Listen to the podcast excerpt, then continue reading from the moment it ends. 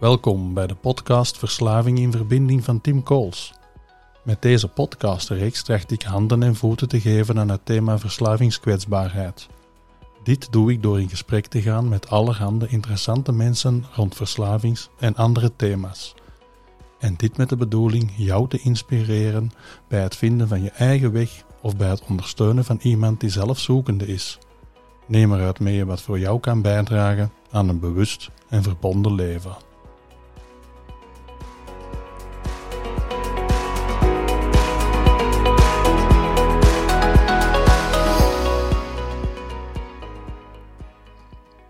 Dag Judith. Dag Tim. Goedemiddag. Goedemiddag. Je bent zeer welkom. Dank u wel. Want ik heb jouw boek gelezen. Verslaafd aan mijn kind. Dat jij geschreven hebt en waar ik heel hard van onder de indruk was. En ik dacht, hoe waardevol kan het zijn om met ons twee hier eens over te gaan spreken. In de hoop dat jij dat wilde doen.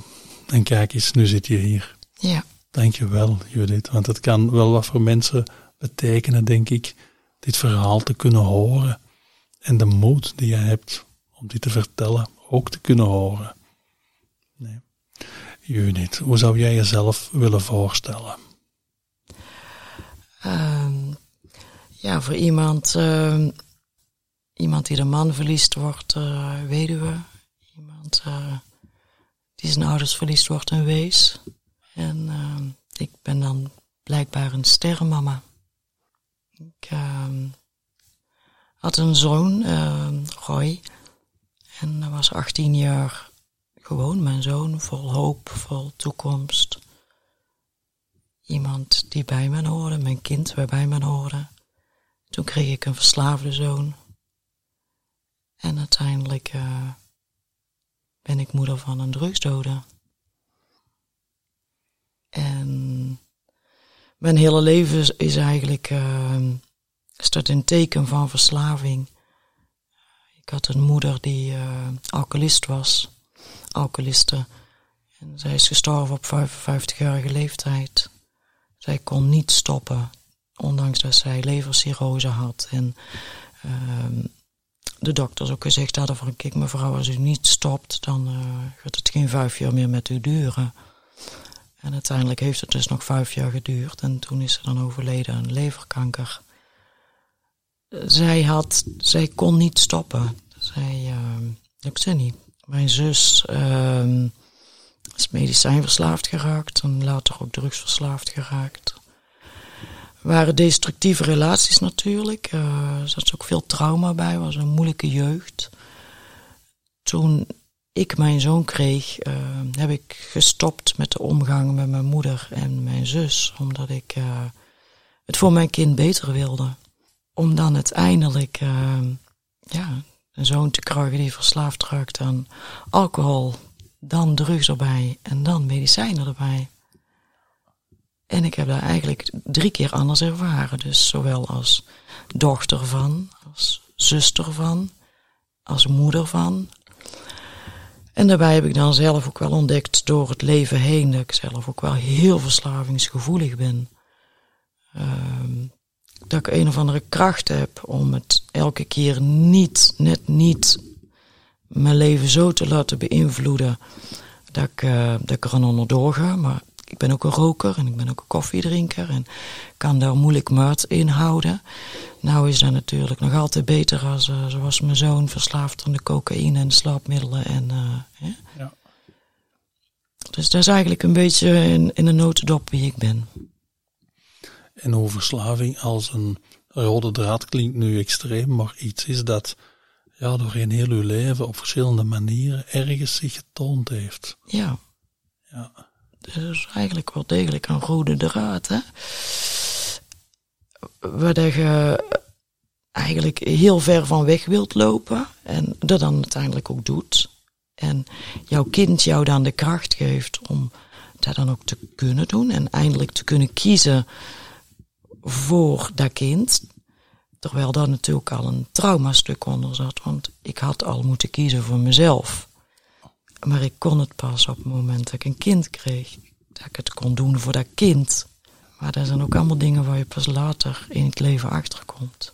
Ja, omdat we het leven dikwijls pas achterwaarts kunnen begrijpen en maar voorwaarts kunnen leven. Dat zeg je heel mooi, Tim. Ja, ja, dat is exact hoe het, uh, hoe het vaak gaat, hè? meestal gaat. Ja. En dus heb jij een boek geschreven rond het thema verslaving. En dan in eerste instantie vooral gekoppeld aan het ja, verslavingsgedrag van je zoon, denk ik. Ja. Um, eigenlijk, ja, ik wijd niet echt uit over, uh, over mijn moeder, of, hè, maar wel eigenlijk de invloed natuurlijk van mijn eigen jeugd, die ik had en meenam in de opvoeding van mijn kind. Ja, dus uh, ik kon geen grenzen stellen.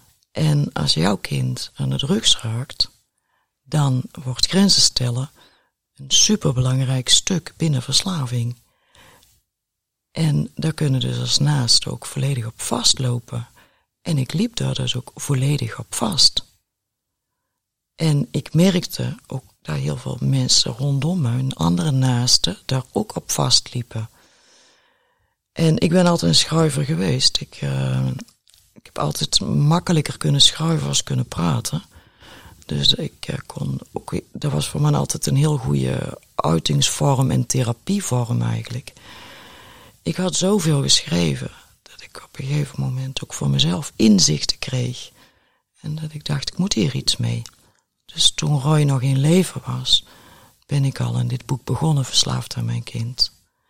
En lag het al bij de uitgeverij toen mijn zoon nog leefde. Alleen kwam er deze wending bij dat mijn zoon overleed eigenlijk in het hele uitgavenproces. Ja.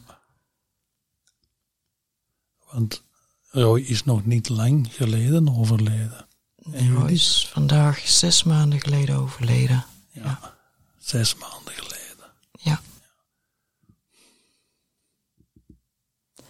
Het eerste half jaar zeggen ze van uh, het jaar rouwen, want jaar een, een, een rouw, rouwperiode is het eerste jaar het rouwste, zeggen ze. Hè? Dus je moet het jaar rond, dus ik ben nu op de helft het leven zal voortaan altijd anders zijn, maar uh, de eerste maanden na Roy zijn dood uh, kwam ik eigenlijk in een soort decompensatieperiode, decompressie eigenlijk, in een decompressie, zo moet ik het noemen.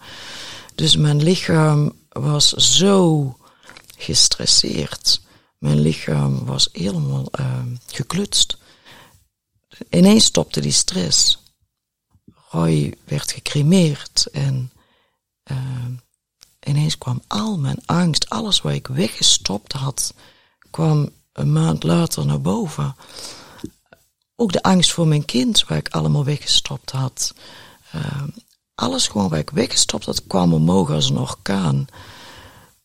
En toen pas besefte ik eigenlijk hoe diep dit in elke vezel zitten van een naaste. En snapte ik ook gewoon dat ik geworden was wie ik geworden was door alle stress in de loop der jaren. Die gaat zo diep en, en wordt dikwijls ook helemaal niet het naaste beseft. Ik besefte ook niet hoe diep dat, dat ging. Pas en dat je ontkent, kan ik me voorstellen, om verder te kunnen doen. Hè, om te, te, moeten overleven. Hè, dit allemaal voelen op het moment dat je in de strijd zit, om het zo te zeggen ja, dat gaat ook niet altijd. Dus ons lichaam lijkt ons er ook bijna voor te beschermen. om dat tegen te houden. Hè? Dat moet ook wel, hè, Tim. Uh, het is ook echt wat jij zegt. Uh, ik heb dat dus de, het laatste half jaar ook heel erg meegemaakt. Mijn lichaam wat terugging van overleven naar leven. Maar ook mijn geest. Want onrust is het nieuwe normaal geworden.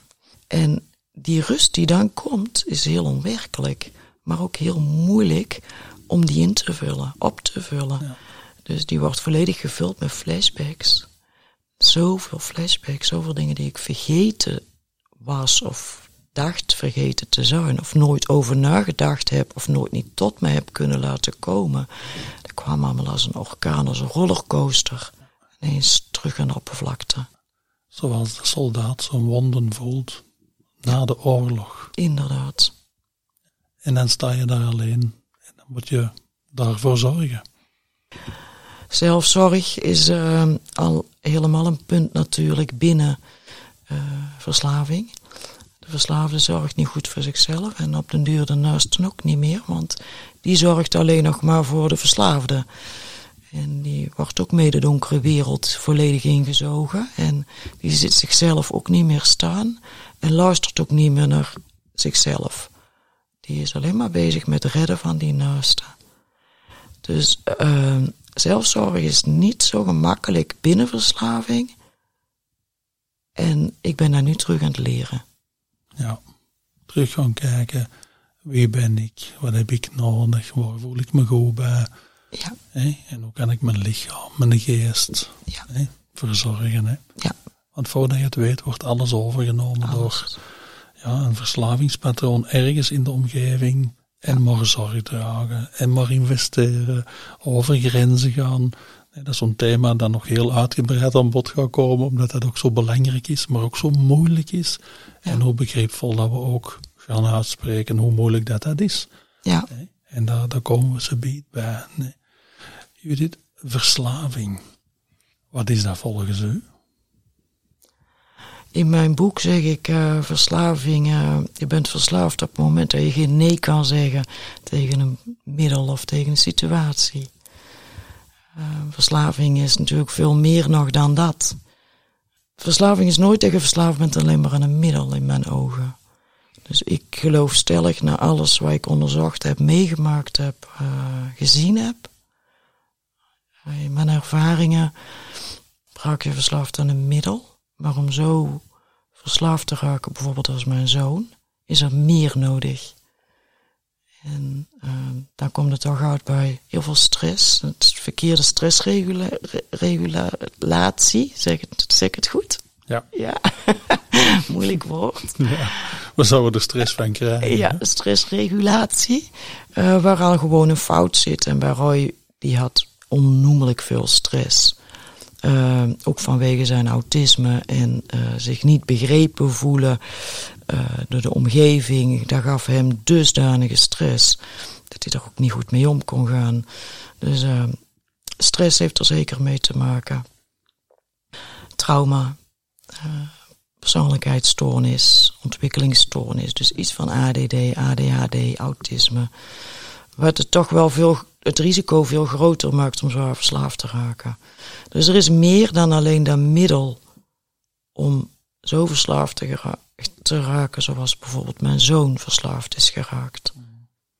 Omdat het middel ergens een soort voedingsbodem, mag ik het zo noemen, gemakkelijk inhaakt op een, ja, een gevoel dat gemakkelijk gecompenseerd wordt door een middel, waardoor dat ons eens anders kunnen voelen. Um, en dat van daaruit, ja, dat middel aanlokkelijker kan worden. Tuurlijk, ik denk dat iedereen die ex-verslaafd is, uh, een, probleem met zichzelf heeft. Of een dusdanig probleem met het leven of de omgeving heeft. Dat het niet leefbaar is voor een verslaafde. Er zit altijd een pijn onder. Hè? Zoals Gabor Maté bijvoorbeeld ook in zijn boek zegt, Hongerige Geesten. Mm die hij is een verslavingsarts en hij vraagt nooit aan de verslaafde waarom ben je verslaafd geraakt, maar altijd waar zit jouw pijn? Er zit altijd een pijn onder. Uh, en het is een pijn die ze willen onderdrukken of ze willen het iets toevoegen. Waar de drugs hun geeft, waar ze van nature missen. Zelfverzekerdheid, uh, zelfvertrouwen, een gevoel van verbinding met anderen en met situaties. Maar ze huilen iets uit die drugs, waar ze eigenlijk zelf missen en dus als een leegte ervaren. Ik denk dat we dan een heel stuk in wat verslaving is kunnen invullen. Dat het iets van pijn te onderdrukken heeft of een weg te vinden heeft. Hè? Afvlakken om daar een weg in te vinden. Maar tegelijk zeg je ook iets toevoegen dat misschien een tekort ja. is, of, of dat men niet van nature uit of vanuit ontwikkeling heeft, heeft verworven.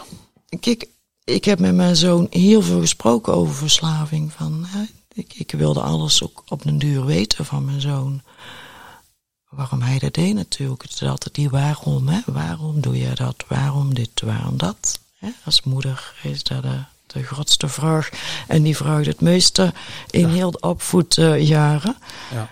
Maar uh, als ik dan aan Roy vroeg van, wat doet cocaïne bijvoorbeeld voor jou? Dan zei hij, mam, ik krijg daar een energie van die ik tijdens het gewone leven gewoon mis. En ik krijg daar zo'n zelfverzekerd gevoel van. En ik vind het dan zo fijn om bij mensen te zijn, zonder die irritatie te voelen en zonder die, dat vervelende gevoel van al die mensen die rondom me zijn. Uh, het gewoon te kunnen accepteren, dat, dat mag er dan gewoon zijn, dat maakt me zelfs gelukkig. Zo heeft hem het letterlijk tegen u gezegd. Ja. Het effect van, van cocaïne. Ja. En wat zeg je dan als moeder? De eerste jaren zei ik heel veel. En dan vloekte ik wel eens, en dan tierde ik wel eens, en dan werd ik boos. En dan uh, moest hij daarmee stoppen. En uh, dat was natuurlijk helemaal het ding. Hij moest ermee stoppen. Want ik wilde alles voor mijn kind, maar niet daar. Hetgene wat hij deed. Dus hij mocht van mij alles behalve drugs gebruiken. En dat was alles wat hij deed. Dus uh, op het laatst, na zoveel jaren verslaving, kon ik alleen maar luisteren. En het thema opnemen. En hoefde ik niet altijd meer iets erop te zeggen. Ja. En, en hoe kwam dat, Judith? Dat je van, precies van een straat mm. naar iets gegaan bent van luisteren? Nou, daar komt natuurlijk ten eerste moet een naast ook aan zijn mindset werken. Ja, uh, je kunt er ook niet meer omheen. Komt in een patroon terecht en uh, dat patroon verandert constant. En hoe langer iemand gebruikt, hoe meer dat hij ook uh, in dat patroon terechtkomt. En als naaste gaat er mee. En je moet, die naaste moet ook wel op een bepaalde manier verder. Omdat er nog kinderen zijn, omdat er brood op de plank moet komen. Omdat hè, uh, die naaste blijft redelijk helder. Die verslaafde gaat steeds verder in die verslaving. En je bent heel veel jaren het redden. En je bent heel veel jaren uh, hebt de verwachtingen van de verslaafde. Je hebt de verwachtingen, stop hiermee. Ga terug werken. Neem uw leven terug op. Stop gewoon met die rommel en ga terug sporten. Zoals je vroeger deed. Je toch meer kunnen stoppen. Stop er gewoon mee. Ga naar een kliniek. Uh, ga in behandeling. Ga in therapie. Je probeert alles en alles en alles. Maar als niks lukt. En jouw kind blijft gebruiken en is op den duur van gebruiker naar verslaafd overgegaan naar chronisch verslaafd, dan moeten we gaan luisteren. En stoppen mee hoe ik het wil. En mijn verwachtingen en mijn wensen opzij gaan zetten. En gewoon reëel kijken naar hetgene wat er is. Want wij denken altijd, en, en er wordt ook heel, hè, dat is een misvatting binnen verslaving. Uh, dat is hun keuze. Dat is de keuze, doen ze zelf. Heb ik ook zelf lang gezegd en gedacht. Nu denk ik daar anders over. Nu durf ik niet meer ronduit te zeggen. Het is een keuze. Um, heel veel willen op den duur van de drug, met de drug stoppen. Ze willen, maar ze kunnen niet. Ja. Omdat er andere factoren in de weg zitten, zoals trauma, zoals een persoonlijkheidsstoornis. En dat wordt niet gezien door de omgeving. En zoals het al ingeslepen zijn van een verslavingspatroon, ook Tuurlijk. neurologisch. Dus al die factoren beginnen tegen te werken. Hè, hoe langer dat we in zo'n proces ja. zitten. Hè. Ja. Kijk, ze verliezen steeds meer motivatie natuurlijk om nog te stoppen. Hun eigen beeld wordt zo slecht, was al slecht over het algemeen genomen bij de meeste verslaafden. Um, die, die gaat alleen maar verder. Ze raken steeds verder van het gewone leven af. Dus het is ook steeds moeilijker om erin terug te komen. Zoals mijn zoon en zoals Roy vaak zei: Mam, ik, ik voel me niet meer goed bij de mensen waar ik me ooit zo goed bij heb gevoeld. Want als ik bij de mensen ben waar ik me ooit zo goed bij voelde, dan zie ik hoe ver ik afgezaakt ben. Hun gaan omhoog en ik ga alleen naar beneden. En dat moet verschrikkelijk zijn. En dan sta jij naast je zoon door heel dat proces. En zoals je doorheen heel je boek beschrijft ook, alle fases waarin dat je dan zit. De brieven die je schrijft naar, naar Roy. Je noemt hem trouwens in het begin van het boek, of heel het boek Tim hè, Ja. in het boek. Met een reden, denk ik. Ja. Ehm, Het voelde voor mij, ik heb dat boek geschreven. En op een duur werd het dan een boek. En met toestemming van Roy ehm, hebben we dan besloten om het naar, eh, bij een uitgever te proberen uit te brengen. Eh, voor Roy mocht ik gewoon zijn naam gebruiken, maar ik kon dat niet. Voor mij waren dat twee werelden. Roy en Tim. En het boek was wel ons boek. En natuurlijk ging dat over Roy. Maar toch, ja, een stukje schuimte, ik weet het niet. Het stukje verraad naar jouw kind. Eh, de- ja. Je wilt het opengooien, maar je wilt het ook. eh, Ja, er zit nog een heel, heel veel stigma en taboe op natuurlijk. En ik denk dat hij- dit boek daar een stukje duidelijk maakt. Tim Roy. Ja. ja. Maar hoe dat je daarin goed geluisterd hebt naar wat uw moedergevoel ook zei. Ja.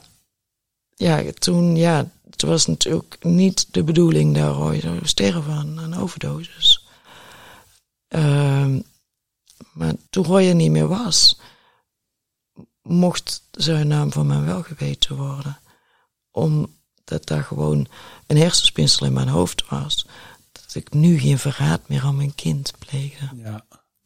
Stom een mens soms linken kan leggen, maar die zo hardnekkig zijn. Maar dat is heel verslaving natuurlijk. Ja, ja. ja, en die linken zijn er, dus daar kunnen we alleen maar naar luisteren. Hè. Zeg jullie zo, uw boek, daar beschrijf je verschillende fasen in, Mhm. die dat jij doorgemaakt bent als moeder. Hè. Mhm. Kan je daar iets over vertellen, hoe dat zich opgebouwd heeft? Ja, ik zelf eh, kende niks van drugs eigenlijk. Ik had ook geen mensen om in, in mijn omgeving eigenlijk eh, waar gebruikers waren. Dus eh, ik moet ook zeggen dat ik eigenlijk een moeder was die eh, het heel druk had. Ehm, ik kwam alleen te staan. Ik, ik was net gescheiden eigenlijk. Ehm, toen Roy, toen ik kwam dat Roy verslaafd was. Dus ik zat ook nog wel met mijn eigen processen eigenlijk. En dan nog drie andere kinderen, eh, waarvan het met de tweede ook niet goed ging, waar ook wel een stuk zorg naar haar ging. Ehm, dan twee kleintjes, hè, die dan toch, de jongste was tien jaar jonger als Roy. Dus fulltime werken, doe het maar als eh, vrouw alleen. Hè. Dan komt zo'n verslaving ook nog om de hoek kijken. En in het begin ehm, dacht ik dat het alleen om alcohol ging. Maar al vrij snel kwam ik erachter dat het dus ook om ketamine ging, anabolen, eh, speed, ecstasy, cocaïne. Dat het eigenlijk om alles ging. Eh, en ik kende het geen een van allen, alleen alcohol. Maar uh, de duur leerde dat natuurlijk allemaal wel. Maar uh, ik kwam er eigenlijk echt achter toen het ziekenhuis belde dat mijn zoon met een overdosis in het ziekenhuis lag. En dan staat jouw wereld op zijn kop. En dan heb je zoiets van, waarom doe je dit? En stop ermee. En, en uw leven toch zo niet vergooien. En, en hè, ga hulp zoeken. En we moeten naar een huisarts. En dan heeft mijn zoon eigenlijk drie jaar lang alles wat ik zei genegeerd. En ging het gewoon door. Het waren drie helse jaren dat je voelde, er is geen invloed. Ik kan, ik kan niks bij nee. hem binnenbrengen en niks aan. Nee, en ik was zelf ook nog vrij naïef, dus ik liet me ook nog wel wat beliegen. Ja. Hij kwam nog wel met dingen weg.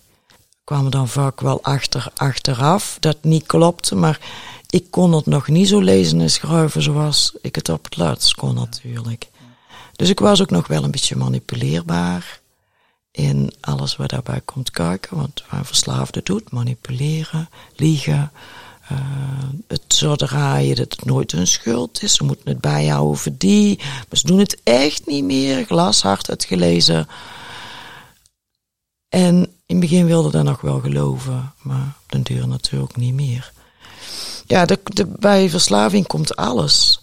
Hoop, wanhoop, machteloos, onmacht, terughoop, boosheid, verdriet, pijn, terughoop. Dat is een proces, een patroon waar ronddraait en ronddraait zoals een wiel aan een fiets. Een rollercoaster heel de tijd. Ja. Met weinig voorspelbaarheid, denk ik. Niks. Het kan ineens draaien. Ja. Er is hoop. Er zijn periodes van clean zijn, zoals je ook beschrijft in het boek, met heel veel kracht, met heel veel hoop, terug motivatie, terug dingen opbouwen, plannen maken. En dan voelen van dit, ja, is niet altijd houdbaar. Nou, bij mij heeft het al lang geduurd voordat ik door had, voordat ik echt door had wat kreving is. He, drooggebruik. En dat begint pas het ergste te worden na 30 dagen. Dus ik heb lang gedacht, als leek, als moeder, nu ben er 30 dagen vanaf. Hoe is het nou toch mogelijk, na alles wat wij gedaan hebben, hoe hard wij gewerkt hebben, moeten zien wat we allemaal gedaan hebben om al jouw shit op te ruimen. En nu, na 30 dagen, een verandering toe, toepassen duurt 30 dagen. Dus dat is die regel hè, die in de coaching geldt. En jij gaat gewoon teruggebruiken. Het heeft lang geduurd voordat ik snapte wat er gebeurde. Het heeft lang geduurd voordat ik snapte dat het ongeveer 30 dagen duurt voordat de drugs volledig uit het lichaam is. En dat elke trigger ineens een reden kan zijn. En geld had voor mij niet de betekenis die het voor Roy had. Dus als hij wist, mijn geld wordt gestort, dan dacht ik een boodschappen kopen voor hem en achterstallige rekeningen betalen. Maar Roy dacht dan maar aan één ding. Drugs kopen. En de rest ging dan allemaal naar de achtergrond. Die ratio werd gewoon compleet overgenomen. En daar moest alles voor gebruiken. Familie, huis, op de deur was Roy zo ver dat hij gewoon zei... Ja, dan leef ik toch op straat. Uh, op straat kun je ook leven. Uh, maar ik ga er niet meer stoppen. Terwijl ik maar één grote angst had. En dat was mijn kind dadelijk dakloos op straat. Dus is als naaste ben je altijd aan het opbouwen. En de verslaafde, die breekt af. En dat is een strijd ja, die ontzettend veel energie kost en heel veel uh, ruzie ook veroorzaakt natuurlijk. Zo beschrijf je het heel helder, vind ik. Van opbouwen en zien dat de ander tegenovergestelde doet. En ja, hoe houden daar verbinding in? Of hoe kun je daar dan verbinding in houden? Ik denk dat het heel belangrijk is als naaste om, uh, en ik merk bij heel veel naasten, dat ze dat net niet doen. Ze lopen ervan weg. Ze gaan in ontkenning. Uh, ze gaan afwachten wat de verslaafde doet. En het is juist zo belangrijk om het heft in eigen hand te nemen. En het niet meer alleen van de verslaafde te laten afhangen. Ja. Maar zelf regels en voor uzelf ook grenzen af te bakenen. Want de verslaafde is grenzeloos geworden. Die leeft voor zijn drugs. Die doet alles voor zijn drugs. En als hij, zin, hij of zij zin heeft in drugs, zouden ze haar moeder verkopen. Dat doet drugs. Zo sterk is die drang. Dus het is heel belangrijk dat jij dan de grens als naaste neerzet voor de verslaafde, maar ook voor jezelf. En die ook bewaakt. Want anders ga je gewoon ermee in. Maar dat is net zo moeilijk, denk ik. En dat vraagt toch ook een heel lang proces Eén, om te begrijpen hoe zo'n dynamiek werkt, maar ook in uzelf het recht te creëren om ja, het in handen te mogen pakken en grenzen te mogen stellen. Veel ouders, denk ik, vinden dat niet gemakkelijk om grenzen te stellen, want het lijkt dan alsof dat we ons kind misschien afwijzen of ja, niet inspelen op wat het kind lijkt nodig te hebben. Maar dat is een heel groot misverstand misschien, hè? In mijn boek beschrijf ik daar ook uh, een heel stuk over. Door de verslaving van Roy natuurlijk kwam ik ook bij mijn eigen trauma terecht. En hoe slechtere jeugd bijvoorbeeld dat je zelf hebt gehad, of hoe getraumatiseerd als hoe meer getraumatiseerd als ouder dat je zelf bent, hoe moeilijker het natuurlijk ook is om grenzen te stellen. Iemand die zelf uit een heel warm nest komt en een hele goede basis heeft, die kan misschien al iets gemakkelijker grenzen stellen als die alleenstaande die zelf grootgebracht is door een moeder die verslaafd was. Dus ik wilde het vooral altijd heel goed doen voor mijn kinderen. Als ik een traan zag bij mijn kinderen, dan uh, wou ik alles doen om dat traantje af te kunnen vegen. En dat is natuurlijk wel een stukje waar dan de verslaafde op inspeelt. En die zijn daar heel slim in. En die worden er heel bedreven in. En dat is niet meer jouw kind wat jij kent, maar het verslaafde kind geworden. En dat duurt als ouder ook heel lang om te zien dat het eigenlijk niet meer jouw kind is in de versie die hij of zij was voordat hij verslaafd werd. En stilaan durven inzetten op grenzen. Grenzen is echt het grootste stuk. Daar kom ik in mijn boek ook constant terug op, bij op. De grenzen stellen. Deur dicht, deur toe, deur open, deur op een kier. En daar wisselt elkaar constant af. En als naaste komt in een proces. Als de deur dicht is, voelt het niet goed. De deur op een kier voelt niet goed. De deur open voelt niet goed.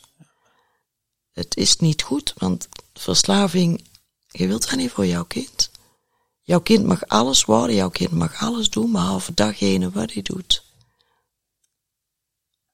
En zeg je, in dat proces is het altijd afwisselen tussen deur dicht, deur op een kier, deur open, afhankelijk van ja, de situatie die er is? Zoals je het er straks ook zei, de situatie die, die is niet voorspelbaar. Hè? Bij, bij, verslaving komt er vaak uit dat het ineens, er gebeuren dingen, elke keer nieuwe dingen. Hè? Verslaving gaat vaak verder ook. Hè? Uh, er kan psychose bij komen, agressie bij komen, uh, komt een hele dakloosheid bij komen. Een kind, we gaan er altijd maar vanuit in herstel. Maar er zijn ook verslaafden die niet in herstel gaan en zo jaren en jaren uh, doorgaan. Ook daar blijft de naaste van, hè? Dus dat, dat gevecht, dat blijft eigenlijk wel dat is toch ook wel die rode draad binnen die verslaving. En soms moeten de deur ook dicht doen. Als jouw kind heel agressief is naar jou, is niet de bedoeling dat je klappen gaat krijgen van uw kind. Nee. Niet de bedoeling dat jouw portemonnee uh, leeg geroofd wordt door jouw kind. Ja, dan moet er wel ergens, uh, als jouw kind echt abnormaal gedrag begint te vertonen, dan moeten die deur wel dicht doen.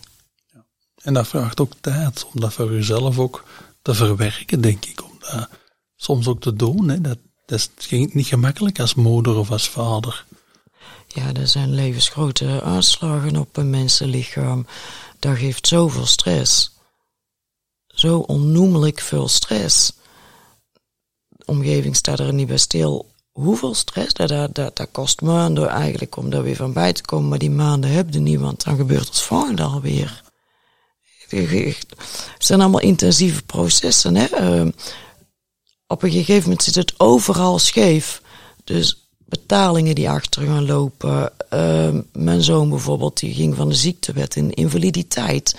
Dus die raakte ook al zijn doelen kwijt. Dan besloot hij van, mam, ik, dan was zijn lichaam zo kapot. Dan, had, dan was hij op alle fronten was hij leeg. Lichamelijk, geestelijk, emotioneel, uh, financieel. En dan stond hij bij me voor de deur. Mam, ik weet het niet meer. Ik kan niet meer. Ik wil ermee stoppen. Op dat moment staan ze open. Maar dan moet er ook hulpverlening zijn. En daar liepen wij elke keer tegen muur.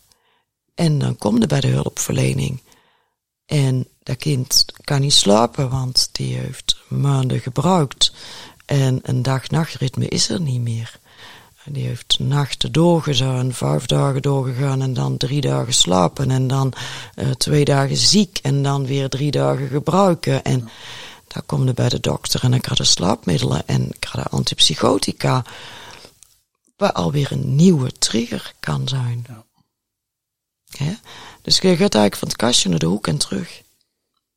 En op een gegeven moment is het patroon beginnen draaien op een manier dat elke dag iets anders kan zijn.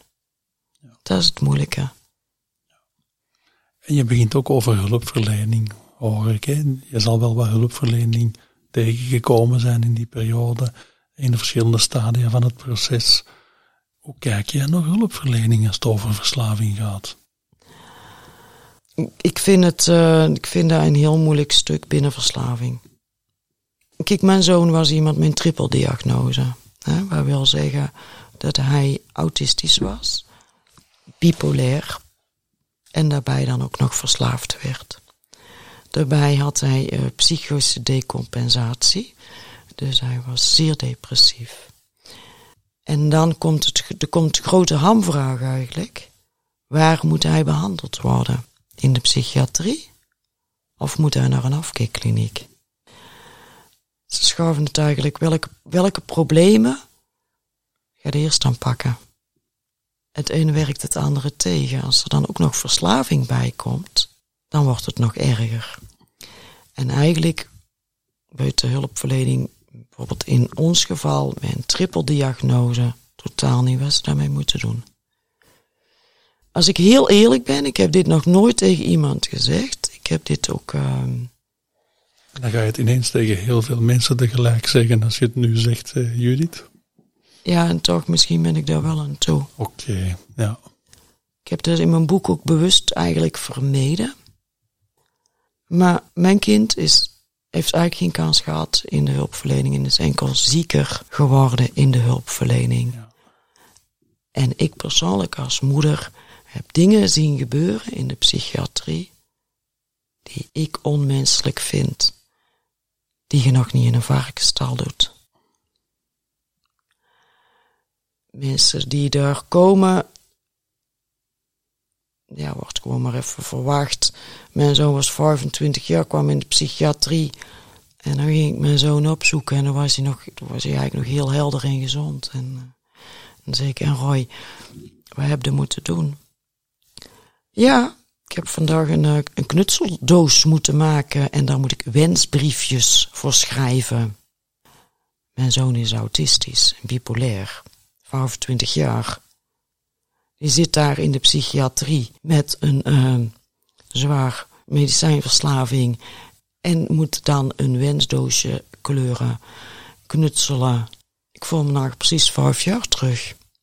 En ik moet hier in groep verplicht meedoen, meewerken, want anders zeggen ze dat ik niet meewerk en ik moet meewerken uh, en zeggen uh, hoe ik denk. Maar dat is voor iemand met autisme niet zo simpel om zomaar even in een groep mee te doen, zonder zijn middeltje dan ook nog. En dan werd er gezegd, kunt wel ambulant geholpen worden, ga maar terug naar huis. Maar dat was een vogel voor de kat. Je hebt u in de kou voelen staan. Enorm. Door de hulpverlening hoor ik. Hè? Ik moet wel zeggen, ik wist dat ook allemaal pas veel, veel te laat.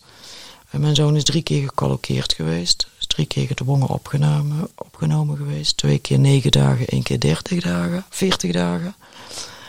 Uh, er zijn wel bezielde hulpverleners, daar wil ik voorop stellen. Mm Wij zijn op een gegeven moment bij MSOC terechtgekomen. En ik heb daar een geweldig bezielde hulpverlener tegengekomen. Die dan het vertrouwen van mijn zoon kon winnen. Ik ga binnenkort ook een podcast doen met mensen, ook van Temsok. Geweldig. Ja. Maar ik kwam er veel slot achter. Dat wordt helemaal niet geadviseerd als ze bijvoorbeeld in een psychiatrie zitten. Dat die hulpverlening ook bestaat. Ja. Dus het loopt allemaal heel erg langs elkaar heen in hulpverlenersland. En vooral als we met dubbeldiagnose te maken hebben. Ja, dan ontstaat er zoiets. En je hebt daar net ook wat geschetst, hè, van er wordt naar elkaar gekeken. Welk thema is primair? En dat klinkt zo raar ook, omdat het ander slaat precies de begeleiding of de behandeling van het een uit, waardoor mensen ja, precies nergens terecht kunnen. Ik geloof persoonlijk maar dat is mijn persoonlijke, persoonlijke mening. Met alleen een gedrag afleren redt het niet. Daar redt een verslaafde het niet mee. En verslaving wordt nog veel gezien als een gedrag waar afgeleerd moet worden. En daar wordt dan ook op ingezet. Maar waarom vertoont een verslaafde dit gedrag? Waarom wordt een verslaafde verslaafd? Zou dat niet de primaire vraag moeten zijn? En ook kunnen we rond die pijn of dat tekort ook gaan nadenken en zien wat we daarmee kunnen. Mhm. Nee, dat bedoel jij, denk Ja. ik, hè? Inderdaad. Ja. Enkel dat gedrag, dat gedrag, e- elk mens, elk gedrag doet een mens voor iets. Een mens doet nooit zomaar iets. Er zit altijd iets onder. Dus je kunt het gedrag wel af willen leren dat hij het middel niet meer pakt. Maar waarom pakt hij steeds naar dat middel? Is dat niet belangrijk om in te vullen? ja, stabiliteit creëren om dan te kijken hoe kunnen we naar dat onderliggend stuk gaan zien. En onze reguliere hulpverlening is natuurlijk nog heel erg ingesteld op symptoombestrijding. Als je bijvoorbeeld kijkt naar dokter Juriaan, dat is een huisarts in Nederland, dat is mijn grote voorbeeld. Hij zegt dus zelf eh, als huisarts wij worden vooral geleerd om symptomen te bestrijden. Maar eigenlijk is het wel als huisarts verder kijken. Is deze lichamelijke pijn, komt daar misschien uit het geestelijke voor? Want je kunt er wel een, een, een pleister op, op plakken, maar die wond geneest daardoor niet.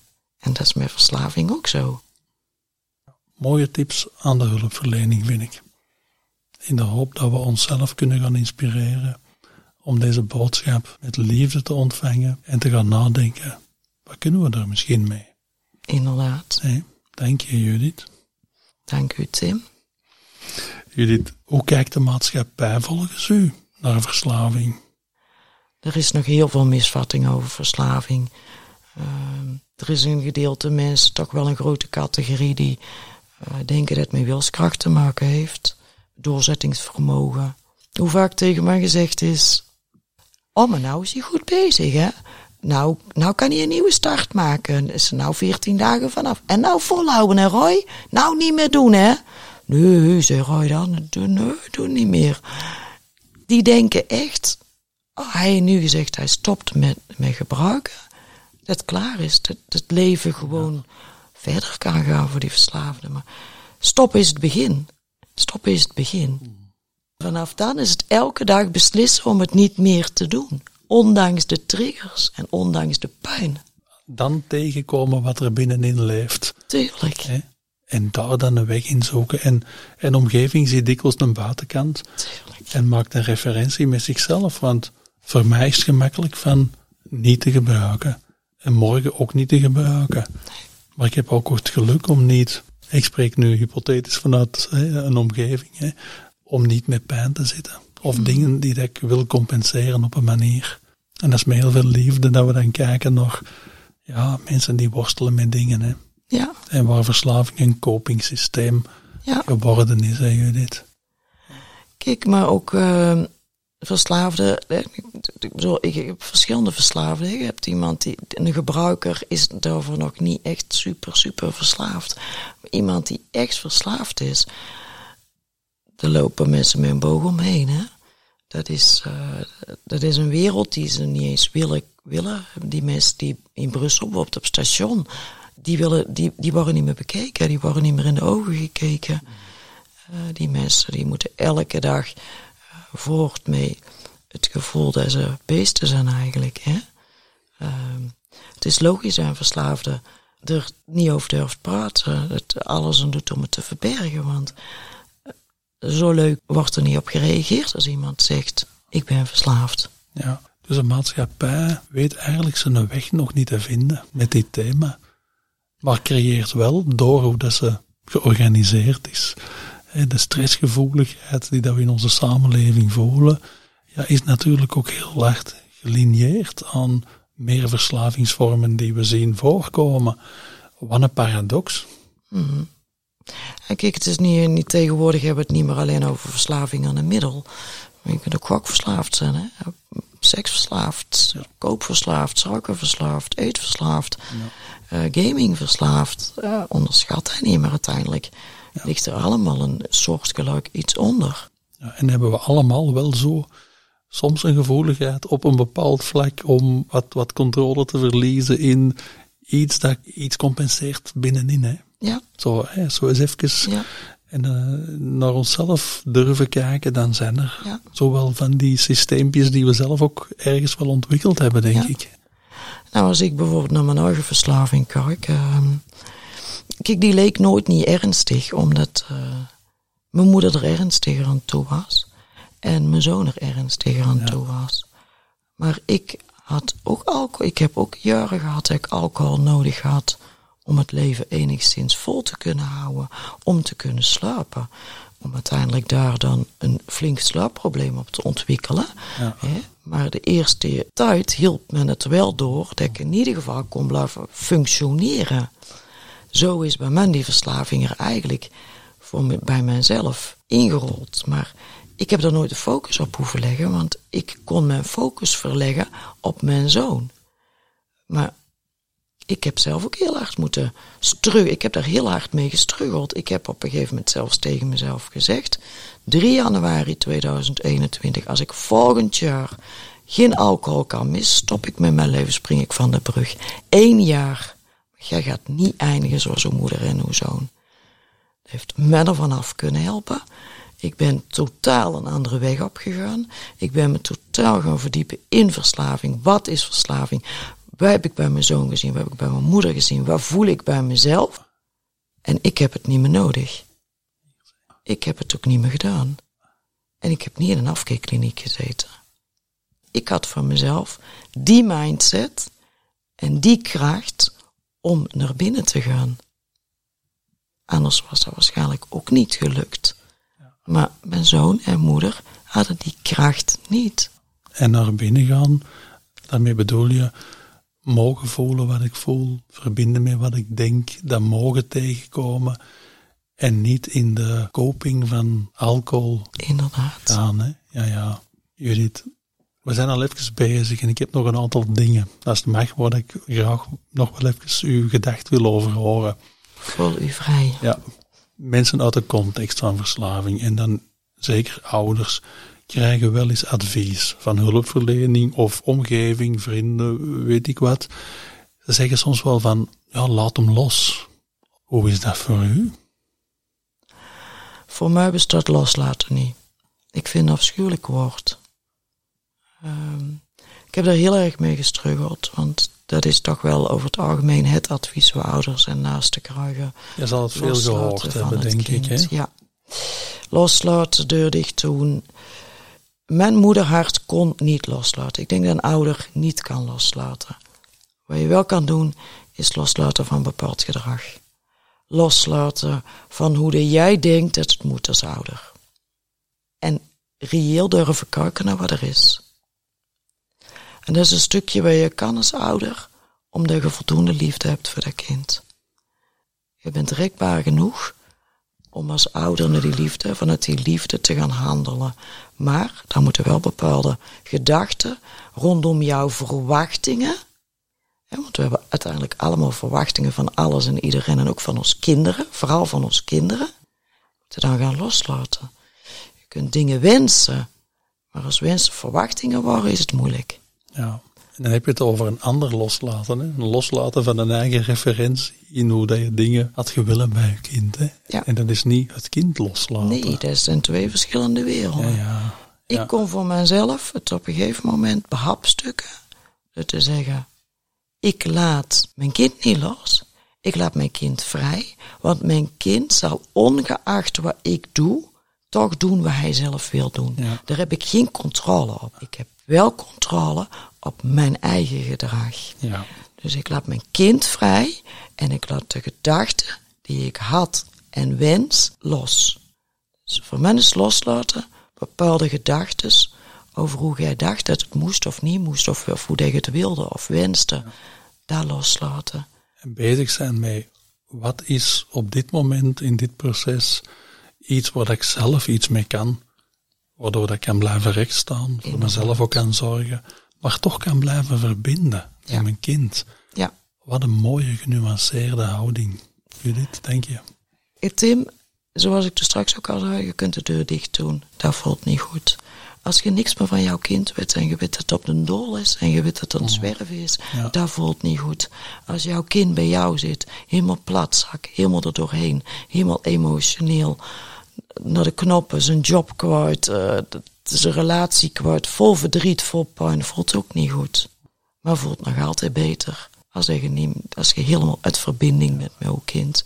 Want loslaten, kom er dan wel achter, dat lukt niet. Dus als jij advies zou mogen geven aan mensen uit een omgeving die iemand willen steunen als partner of moeder of vader met iemand met een verslaving, hoe zouden ze dan kunnen helpen? Ten eerste ze te attenderen dat het heel belangrijk is dat ze goed voor zichzelf blijven zorgen. Dat ze dat ook mogen. Ja. Ja, het kind kan eh, een verslaving hebben en kan op dat moment kiezen voor die verslaving. Maar de ouder hoeft niet te kiezen om niet meer voor zichzelf te zorgen. Ja, het is heel belangrijk, die zelfzorg. Want als, dat is een beetje dat zuurstofmasker, vliegtuigkapje. Hè? Ja. Ehm, zet het eerst bij jezelf op. Want als je het bij jezelf niet opzet, dan stikt de hele boel. Hè? Ja. Dan zijn er... Ja. En dan kun je ook niet meer zorg dan dragen. kun je niemand redden, hè? ook zelf niet. En ook alles wat je wenste niet. Hè? Dus het begint bij jezelf. Maar we gaan zo in die redderschool en we gaan zo inzetten op die verslaving. En dat is ook uiteindelijk nog het enige wat we zien.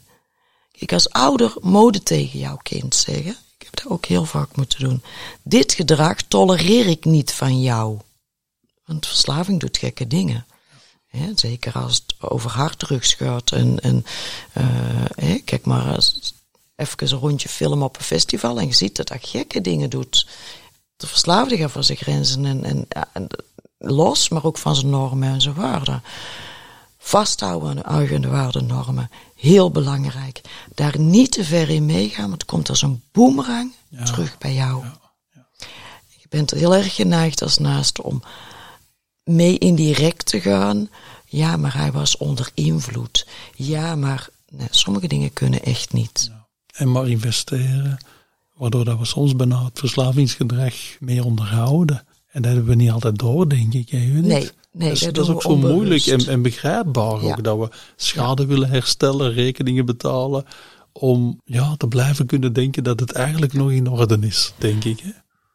De hulpverlener van Roy zei eens tegen me: Judith, jou helpen is geen helpen, maar het rekken van de verslaving Ja. en het wat meer uitsmeren. Als jij niet gedaan had voor Roy wat ik gedaan hebt, was Roy waarschijnlijk al veel eerder overleden. Ja. Maar dat is, dat is die reddersrol. En die is heel hardnekkig bij ouders. En dat beschrijf ik ook in mijn boek. Ehm, ouders zijn geneigd het persoonlijk op te nemen. Ik heb gefaald. Ik heb het fout gedaan. En dat is een heel gevoelig stukje voor een ouder binnen die verslaving. En dat zeg ik ook weer heel duidelijk in mijn boek en dan zeg ik ook tegen mensen. Jij deed waar je kon met de kennis die je toen had. Met intentie alles het liefde deed. Maar ook al doe je alles in liefde en het allerbeste voor jouw kind wat je op dat moment kunt geven, wil dat niet altijd automatisch zeggen dat datgene is wat jouw kind ook effectief nodig heeft. Ja. Want wat het kind wilt en nodig heeft, staat op dat moment heel ver uit elkaar. Voilà. Maar een ouder mag zichzelf niet gaan verwijten. Ik heb niet alles gedaan. Ik heb daar ook jaren. Ik heb makkelijk praten nu, hè. Ik heb daar ook jaren mee gestruggeld. Maar dat is hoe ik er nu naar kijk. Ik heb mezelf zo vaak een boetekleed aangegeven. Ik heb zoveel van mijn levensvreugde afgenomen door mezelf zoveel schuld in mijn schoenen te schuiven. Waarvan ik nu erachter kom dat hier geen schuldig is aan. Dat, dat dit niet uit te drukken is in schuld. Ja, en dat is mooi dat je dat voor jezelf ook kunt zien. Want best wel wat mensen zouden met een schuld kunnen blijven zitten als je niet de nuance mogelijkheden hebt zoals jij om erover na te denken en, en dat wat te verbreden. Hè. Ik denk dat wij benader zijn. Ik denk dat de thema's Denk het ook, Tim. allemaal toch op een manier aan bod gekomen zijn dat dat wel oké lijkt. Of, of zeg jij, ik wil nog iets toevoegen? Ik denk dat ik heel veel verteld heb en ook wel de belangrijkste lijnen waar ik voor sta. Ik wil nog wel één ding zeggen eigenlijk. En dat is, als ik nu op mijn proces van tien jaar verslaving terugkijk, dan, ik heb veel te lang gewacht met hulp zoeken voor mezelf. Ik was altijd alleen maar bezig met hulp zoeken voor Roy, maar nooit voor mezelf. Ik kan daar wel aan. Ik doe deze wel. Ik heb dat niet nodig. Ik red het wel. Naar mij moet je niet kijken. Ja, het gaat hier om Roy, het gaat hier niet om mij. Ik heb het allemaal wel op een rij. Mensen, alsjeblieft als naaste, zoek hulp. Zoek mensen waar je goed bij voelt. En dat is dikwijls gewoon niet jouw omgeving. Want jouw omgeving kent het niet. Je moet het ook niet kwalijk nemen. Je moet er ook niet boos om worden. Leken zeggen dat ze denken van het onkunde en van het onkunde en, en van het liefde voor, voor, voor de naaste kan ik me voorstellen. Dus ze zeggen, laat los, stop, stop ermee. Want het is niet goed voor jou, je gaat hier aan onderdoor. Maar zoek hulp. Bijvoorbeeld bij een, een, een MSOC. Hè. Die hebben ook een, een onderdeel voor de, voor de ouders, CAW. Hè. Um, die, die willen zelfs nu nog aan mijn hulp verlenen. Nu die hebben ze aangeboden om hulp te verlenen van CAW. Um, ik mag zelfs nog nu naar MSOC toe om, om dus ik, ik bedoel maar te zeggen, er is heus een luisterend oor voor jou. bijvoorbeeld in Nederland hebben we de stichting Moedige Moeders. Hij is allemaal laagdrempelig, kost geen geld, uh, zitten met lotgenoten, zitten met mensen die in dezelfde situatie zitten aan jou. Daar heb je zoveel aan. Ik heb vorig jaar december 2021 heb ik, omdat ik vond dat er te weinig was, zelf een lotgenotengroep opgestart op Facebook. En dat heet ook Verslaafd aan mijn kind. En ik begon met nul leden. En ik begon dus als, toen leefde Roy nog, um, als van, eh, wilde als naaste eh, met lotgenoten praten, sluiten we dan hier aan. Ondertussen heb ik 210 leden. Oké. Okay. Um, ja. Ik stop mijn ziel en zaligheid daarin. Elke dag komt er nog wel iemand bij. Iemand die radeloos is. Iemand die gewoon eens zijn verhaaltje kwijt wil. Ik help nog steeds mensen bij moedige moeders. Ik doe nog steeds regelmatig aansluiten voor zoomen. Voor mensen die in het begin van het proces zijn. Gewoon luisteren, een hart onder de riem steken. Dat kan zo goed doen. Aanwezigheid. Aanwezigheid. Luisteren. Herkenning, herkenning en erkenning. Ja. ja.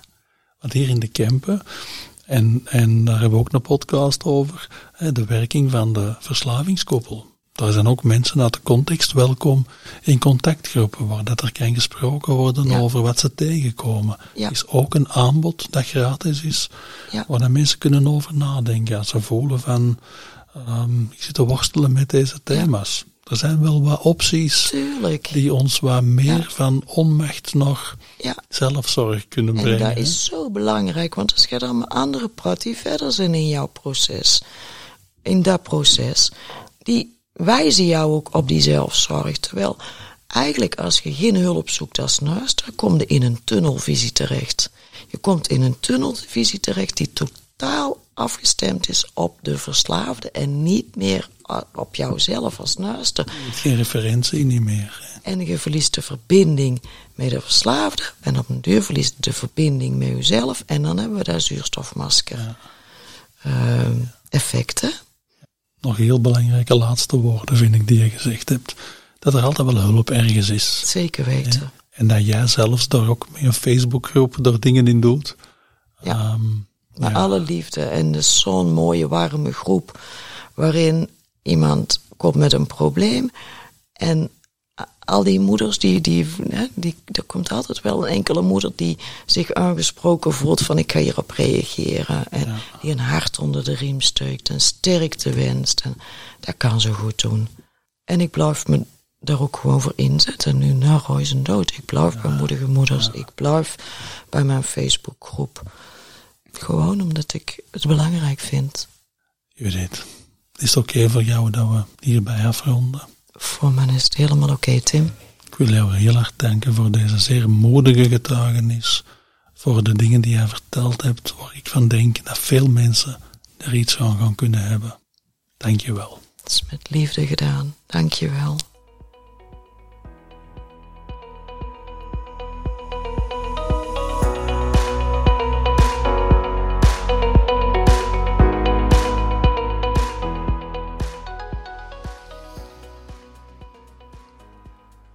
Judith heeft doorheen een proces van tien jaar een weg gevonden om om te gaan met de verslaving van haar zoon. Constant balancerend tussen een open deur, een deur die weer dicht gaat en alle variaties daartussen. Ze raadt mensen aan goed stil te staan bij het bewaken van hun eigen grenzen, van hun eigen waarden en normen en na te denken over wat zelfzorg kan betekenen. En als jij na het luisteren van deze podcast zelf ideeën hebt die kunnen bijdragen aan deze reeks, dan kan je me mailen op verslavinginverbinding.telenet.be en zo gaan we samen naar betere zorg voor mensen die worstelen met deze kwetsbaarheid.